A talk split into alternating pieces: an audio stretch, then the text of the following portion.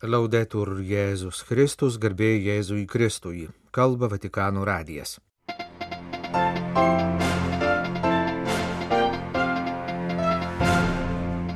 Sekmadienio vidudienį popiežius komentavo Mišių Evangeliją apie Jėzaus susitikimą su Samariete prie šulinio. Priminė artėjančią maldos iniciatyvą 24 valandos viešpačiui, prašė melstis už taiką ir už Ukrainą. Pirmadienį sukanka 10 metų nuo Pranciškaus išrinkimo. Romos rabino, Konstantinopolio patriarcho ir anglikonų vadovo sveikinimai. Kovo 11 ir kiti pastarosios savaitės įvykiai bažnyčios gyvenime Lietuvoje, spaudos ir interneto portalų apžvalga. Jėzus mums duoda gyvojo vandens, kad mes padėtume kitiems numalšinti juos kamuojantį troškulį, sakė popiežius Pranciškus sekmadienio vidudienį komentuodamas Mišių Evangeliją, kalbančią apie Jėzaus susitikimą su Samariete prie šulinio. Dammi da bere. Duok man gerti, sako Jėzus Samarijoje prie šulinio sutiktai moteriai. Šioje scenoje matome Dievo nusižeminimą. Jėzuje Dievas tapo vienu iš mūsų. Jis kenčia tą patį troškulį kaip ir mes. Šis troškulys yra ne tik fizinis, bet išreiškia ir kiekvieno žmogaus jaučiamą meilės troškulį. Jėzus, prašantis vandens atsigerti, yra Dievas, kuris numalšina mūsų sielos troškulį. Susitikęs su Samariete jis kalba apie gyvą į vandenį, šventąją dvasę. Mes esame ištroškę meilės. Mūsų troškulį gali numalšinti tik Dievo dovanojama meilės dvasia. Jėzaus žodžiai Samarietė yra skirti ir mums. Jis ateina į mūsų kasdienybę ir duoda mums atsigerti savojo vandens, trykštančio jam žinai gyvenimą. Dammi da bere. Pasak Pranciškaus, šio sekmadienio Evangelijos scenoje galime išvelgti ir kitą svarbų dalyką. Ma un appello, a volte silenzioso, che ogni giorno si leva verso di noi Tai ir raginimas kartais nebylus, kuriuo jis kasdien kreipiasi į mus ir prašo padėti kitiems žmonėms numalšinti juos kamuojantį troškulį. Duok man gerti, sako mums žmonės namuose, darbovietėje, kitose vietose, kurie trokšta artumo, dėmesio, išklausimo. Į mus kreipiasi tie, kurie trokšta Dievo žodžio. Bažnyčioje jie turi rasti oazę, kur galėtų atsigerti. To mus prašo visa mūsų visuomenė, kurioje skubėjimas, vartotojiškumas ir abejingumas sukėlė sausrą ir vidinę tuštumą. Šių iššūkių akivaizdoje Šiandien Evangelija kiekvienam iš mūsų siūlo gyvojo vandens, kuris gali mus padaryti gaivinančių šaltinių kitiems. Tad šiandien klauskime savęs, ar trokštų Dievo, ar suprantu, kad man jo meilės reikia kaip vandens, kad galėčiau gyventi, ar padedu kitiems troškulio kamuojamiems žmonėms. Trumpą katechezę popiežius baigė malda, kad Dievo motina mus užtartų ir lydėtų gyvenimo kelionėje. Benedicat vos omnipotens Deus, Pater et Filius et Spiritus Sanctus. Amen.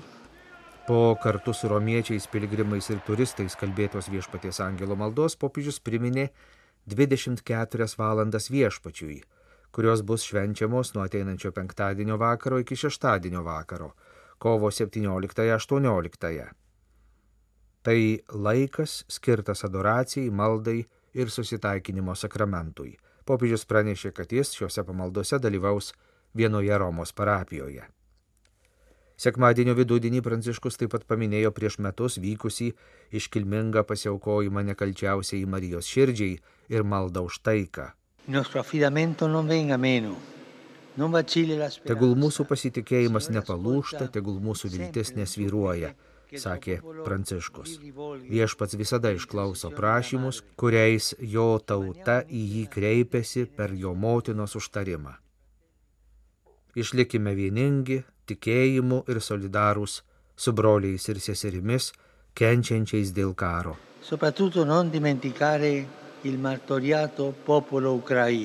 Visų pirma, nepamirškime kenčiančios ukrainiečių tautos. Pirmadienį, kovo 13-ąją, sukanka 10 metų nuo popiežiaus pranciškaus išrinkimo. Sukakties proga jį pasveikino Romos žydų bendruomenės, kurios istorija yra dar ilgesnė nei krikščionių istorija šiame mieste, vadovas rabinas Ricardo Disenį, taip pat ypatingus, artimus, bičiuliškus santykius su popiežiumi užmesgę ortodoksų visuotinis patriarchas Baltramiejus ir anglikonų vadovas arkivyskupas Justinas Velby. Skaičius dešimt yra svarbus simbolinis skaičius. Tai mūsų skaičiavimo sistemos pagrindas, tai dešimt rankos pirštų. Tačiau Bibliją branginančiam žmogui skaičius dešimt visų pirma siejasi su dešimt Dievo įsakymų sako Romos rabinas, patikindamas, kad ir žydų bendruomenė kartu su Pranciškumi mini jo išrinkimo sukaktį. Linkiu popiežiui Pranciškui, kad jis ir toliau turėtų daug sveikatos, jėgų ir svarbiausia - išminties toliau vadovauti savo bendruomeniai. Taip pat, kad jis išlaikytų ypatingą draugystės ryšį su žydų tauta. Man ypatinga garbė ir didelis džiaugsmas nuoširdžiai pasveikinti savo mylimą brolį popiežių Pranciškų jo išrinkimo pirmuoju mūsų seseriškos Romos bažnyčios vyskupų dešimtųjų metinių proga, rašo Konstantinopolio visuotinis patriarchas Baltramiejus. Per šiuos dešimt metų mūsų draugystė ir bendradarbiavimas, ypač tarnystėje, kurią siekiama nešti paguodą ir taiką visai Dievo tautai, skatinti rūpinimąsi visą Dievo kūrinyje, suartino mus ir sutvirtino įsipareigojimą matyti viešpaties Jėzaus Kristaus veidą mažiausiuose ir kenčiančiuose mūsų broliuose ir seseryse. Anglikonų vadovas arkivyskupas Justinas Belby popiežiaus pranciškaus išrinkimo dešimtųjų metinių progą prisimena pirmąjį susitikimą su juo. Niekada nebuvau sutikęs popiežiaus. Nežinojau, ką galvoti, nežinojau, koks jis žmogus. Mes įėjome, aš atsisėdau, o jis pasakė, aš vyresnis už tave. Ir aš pagalvojau, Dieve mano, jis bus vienas iš tų. Tačiau jis pridūrė, vyresnis už tave trimis dienomis. Nes jis pradėjo savo pontifikatą trimis dienomis anksčiau, nei aš pradėjau eiti savo pareigas, sako arkivyskupas Velby. Anglikonų vadovas prisipažįsta, kad nuo pat pažinties su Pranciškumi pradžios į žavi popiežiaus nepaprastai gilus žmogiškumas. Jis žvelgia į žmogaus širdį, randa būdų mylėti, kurie sugeba atrakinti ir neprieinamas širdies dalis. Nepaprastas išvalgumas, širdies gelmė ir paprastumas leidžia Pranciškui pasiekti ir tuos, kurie yra už bažnyčios ribų, kaip tai darė šventasis Jonas Paulius II. Ši gelmė yra palaiminimas visai bažnyčiai, ne tik Romos katalikų bažnyčiai, sako anglikonų vadovas. Bostono arkivyskupas padėkojo popiežiui Pranciškui už atnaujintą narystę kardinolų taryboje ir kartu prašė Dievo palaimos Pranciškui jo pontifikato pradžios dešimtųjų metinių progą. Kardinolas Šonas Aumeliai, Bostono arkivyskupas, buvo paskirtas kardinolų tarybos nariu 2013 metais netrukus po jos įsteigimo. Tų metų kovo 13-ąją išrinktas naujas Romos vyskupas kardinolų tarybos steigimo dekrete pažymėjo, kad mintyje steigti pasiūlė kardinolai prieš konklavinėse kongregacijose. Prisimename, šventojo tėvo, dvasinio ir pasturacinio vadovavimo dovana daugiau nei milijardui katalikų visame pasaulyje, parašė kardinolas Šonas Aumeliai Bostono arkiviskupijos portale. Jis pridūrė, kad popiežius vadovauja ganytojo širdimi, ieškodamas tų, kuriems labiausiai reikia pagalbos, užmirštųjų ir beginklių, esančių mūsų visuomenės pakraščiuose įkvėpdamas mus visus išgirsti ir atsiliepti į viešpaties kvietimą tarnauti visiems mūsų broliams ir seserims. Šiuo gavėnios laikotarpiu prašykime Dievo palaimos popiežiui Pranciškui, kad jo sveikata išliktų gera ir dėkojime už Pranciškaus džiaugsmą tarnaujant Kristui ir Dievo tautai, palinkėjo kapucinų vienuolis ir kardinolas Šonas Petrikas Aumelai. Šių metų Liepos pirmąją sukanka kardinolo Aumelai paskirimo Bostono arkivyskupų 20-osios metinės. Prieš dešimt metų 2013 balandžio 13 dieną Pranciškus jį paskyrė kardinolų tarybos nariu, o nuo 2014 metų jis taip pat eina popiežiškosios nepilnamečių apsaugos komisijos pirmininko pareigas. Popiežius Pranciškus pirmadienį kovo 7-ąją atnaujino kardinolų tarybą, kurią sudaro devyni kardinolai iš viso pasaulio. Tarybai pavesta patarti popiežiui visuotinės bažnyčios gyvenimo klausimais. Jūs klausotės Vatikano radio tęsinę programą.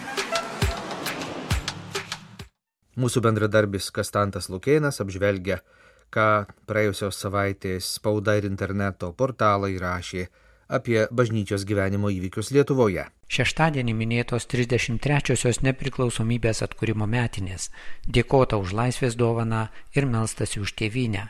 Vilniuje Seimo kovo 11-osios akto salėje vyko šventinis posėdis, Gedimino prospektu iki katedros aikštės žmonės žygiavo nepriklausomybės atkūrimo keliu su Lietuvos ir Ukrainos vėliavų juostomis. Vilniaus arkikatedroje vidudienį aukotos mišios arkivyskupas Gintaras Grušas kvietė įsiklausyti į liturgijoje skambėjusi Dievo žodį, rodantį kelią į tikrąją laisvę. Jis pažymėjo, kad gavėnios laikotarpiu ypatingai išgyvenama tiek asmeninė, tiek visos tautos kelionė iš verkystės į pažado žemę. Pasak ganytojo, esame linkę pernelyg greit pamiršti, koks galingas išlaisvinančios Dievo rankos stebuklas buvo kovo 11 įvykis. Arkivyskupas kvietė apmastyti Evangelijos palyginimą apie gailestingą į tėvą ir du sūnus. Ir tautos gyvenime galime išvelgti jaunėliui palaidūnui būdingą savanaudiškumą, bendro paveldo įkvojimą. Vyresniojo sūnaus nuostata tarnauti sukandus dantis kelia grėsmę prarasti gyvenimo džiaugsmą ir tikrą meilę tėviniai, sakė arkivyskupas Gintaras Grušas. Kaune nepriklausomybės atkūrimo dieną švestos mišios vyko šventinės eisenos į vienybės aikštę iškilmingą minėjimą Vytauto didžiojo karo muziejaus sodelėje. Kauno arkikatedroje iškilmingas mišes už Lietuvą aukojęs arkivyskupas Kestutis Kievalas gailestingojo tėvo įvaizdyje kvietė išvelgti laisvę dovanojantį Dievą. Tik laisvė įgalina drąsiai duoti ir dovanoti. Ganytojas įspėjo dėl pagundos galvoti, kad laisvė jau kartą visiems laikams laimėta ir leistis į kompromisus. Tarp pagundų, kai linkstama žemiau nuleisti laisvės kartelę, arkivyskupas minėjo šeimos sampratos, žmogaus gyvybės apsaugos rytis, taip pat bandymus legalizuoti narkotinės medžiagas. Praėjusį sekmadienį minėta maldos už lietuvius pasaulyje diena. Čikagoje leidžiamame laikraštyje draugas pakalbintas Lietuvos viskupų konferencijos delegatas užsienio lietuvių katalikų sielovadai arkivyskupas Lionginas Virbalas. Plačiame interviu jis pasakoja apie darbo barus, perimamus į amžinybę iškeliavus šioje srityje du dešimtmečius besidarbavusiam prelatui Edmundui Putrimui. Paklaustas, ar bažnyčia diasporoje išlieka tautiškumo puoselėjimo žydiniu, Arkivyskupas paaiškina, kad ypač iki nepriklausomybės atgavimo tautiškumas ir katalikiškumas buvo labai susiję. Vis dėlto pagrindinė tikėjimo užduotis nėra puoselėti tautinę tapatybę. Parapijos yra tam, kad visi drauge pažintume tikėjimą, jį švestume ir perduotume kitiems, sakė arkivyskupas Lionginas Virbalas. Interviu draugui parengė Elvyra Kučinskaitė. Viešojoje erdvėje gyvai domimasi planais atkurti Lietuvoje Konstantinopolio patriarchatui pavaldžias parapijas. Bernardinų dienraščio redaktorės Aušros Čebatoriūtės parengtame straipsnėje šią temą kalbinamas ortodoksų kunigas Gintaras Jurgis Sungaila. Pasak jo, Konstantinopolio patriarchatui pavaldi ortodoksų bažnyčia Lietuvoje egzistavo nuo XIV amžiaus, Pirmieji Lietuvos ortodoksų šventieji - Vilniaus kankiniai Antanas, Jonas, Eustachijus, Šventoji Haritina, Šventasis Daumantas, visi jie buvo Konstantinopolio patriarchato Kyjivo metropolijos tikintieji. Pasak kunigo Sungailos, šiuo metu Lietuvoje vykstantis procesai nėra naujovė.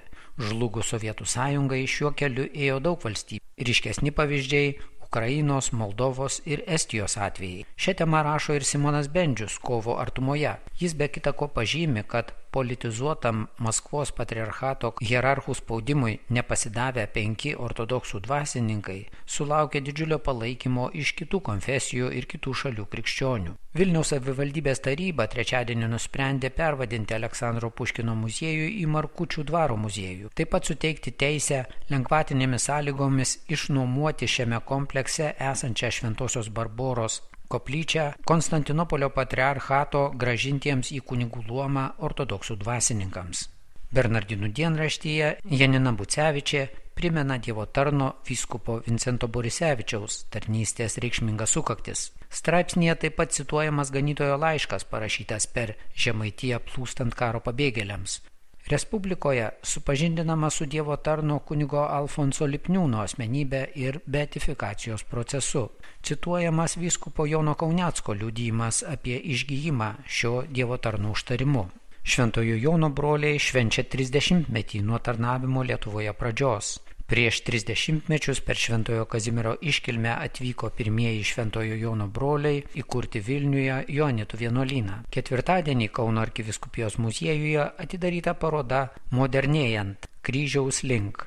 Joje eksponuojami 20 ir 21 amžiaus kūriniai kančios ir kryžiaus tematika. Paroda skiriama menotyrininkės Laimos Šinkūnaitės, skatinusios bažnyčios ir šio laikinės dailės dialogą atminimui. Vilniaus taikomosios dailės ir dizaino muziejuje penktadienį atidaryta paroda, kurioje pristatomi Ukrainos sakralinio meno kūriniai iš nacionalinio Kijevo Pečerų Lauros istorinio ir kultūrinio draustinio kolekcijos. Kovo 11-ąją Šiluvos piligrimų centre atidaryta paroda Angelai, kurie saugo iš asmeninės sesers Reginos Teresiūtės kolekcijos, kurią sudaro daugiau nei 800 angelų. Naujame Saleziečių žinių numeryje kviečiama išgyventi gavėnios atgailos ir atsivertimo metą stiprinantis Šventojo kunigo Bosko patirtimi. Rašoma apie Saleziečių naujienas Lietuvoje ir pasaulyje Neseniai davęs amžinuosius įžadus lietuvis salezietis Vytautas Markūnas dalyjasi šiuo reikšmingu gyvenimo piligrimystės įvykiu. Laikraštė 21 amžius skelbiamas ilgamečio šio laikraščio redaktoriaus, buvusio pogrindinės spaudos platintojo ir bendradarbio Edvardo Šiukždos nekrologas. Bernardinų dienraštyje komentuojama popiežiaus kovo mėnesio maldos intencija. Popiežiaus pasaulinio maldos tinklo Koordinatorius Lietuvoje kunigas Mindukas Malinauskas aiškina, kodėl ši malda tokia svarbi. Per gavėnios laikotarpį kiekvienoje Europos šalyje paeiliui švenčiamos mišios, kuriuose prašoma taikos Ukrainai ir melžiamasi už žuvusius. Pirmadienį, kovo 13-ąją, šią intenciją mišios aukojamos Vilniuje, Dievo gailestingumo šventovėje. Iš Kauno Vatikano radijui Kastantas Lukėnas.